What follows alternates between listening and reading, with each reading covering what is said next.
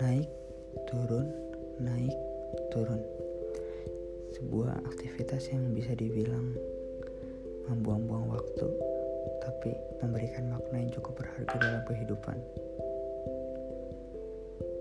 Di sini, di podcast ini, gue bakal ngebahas sebuah informasi dan tips sebuah pendakian gunung. Di mana lagi kalau bukan di podcast gue, Yamah Gunung.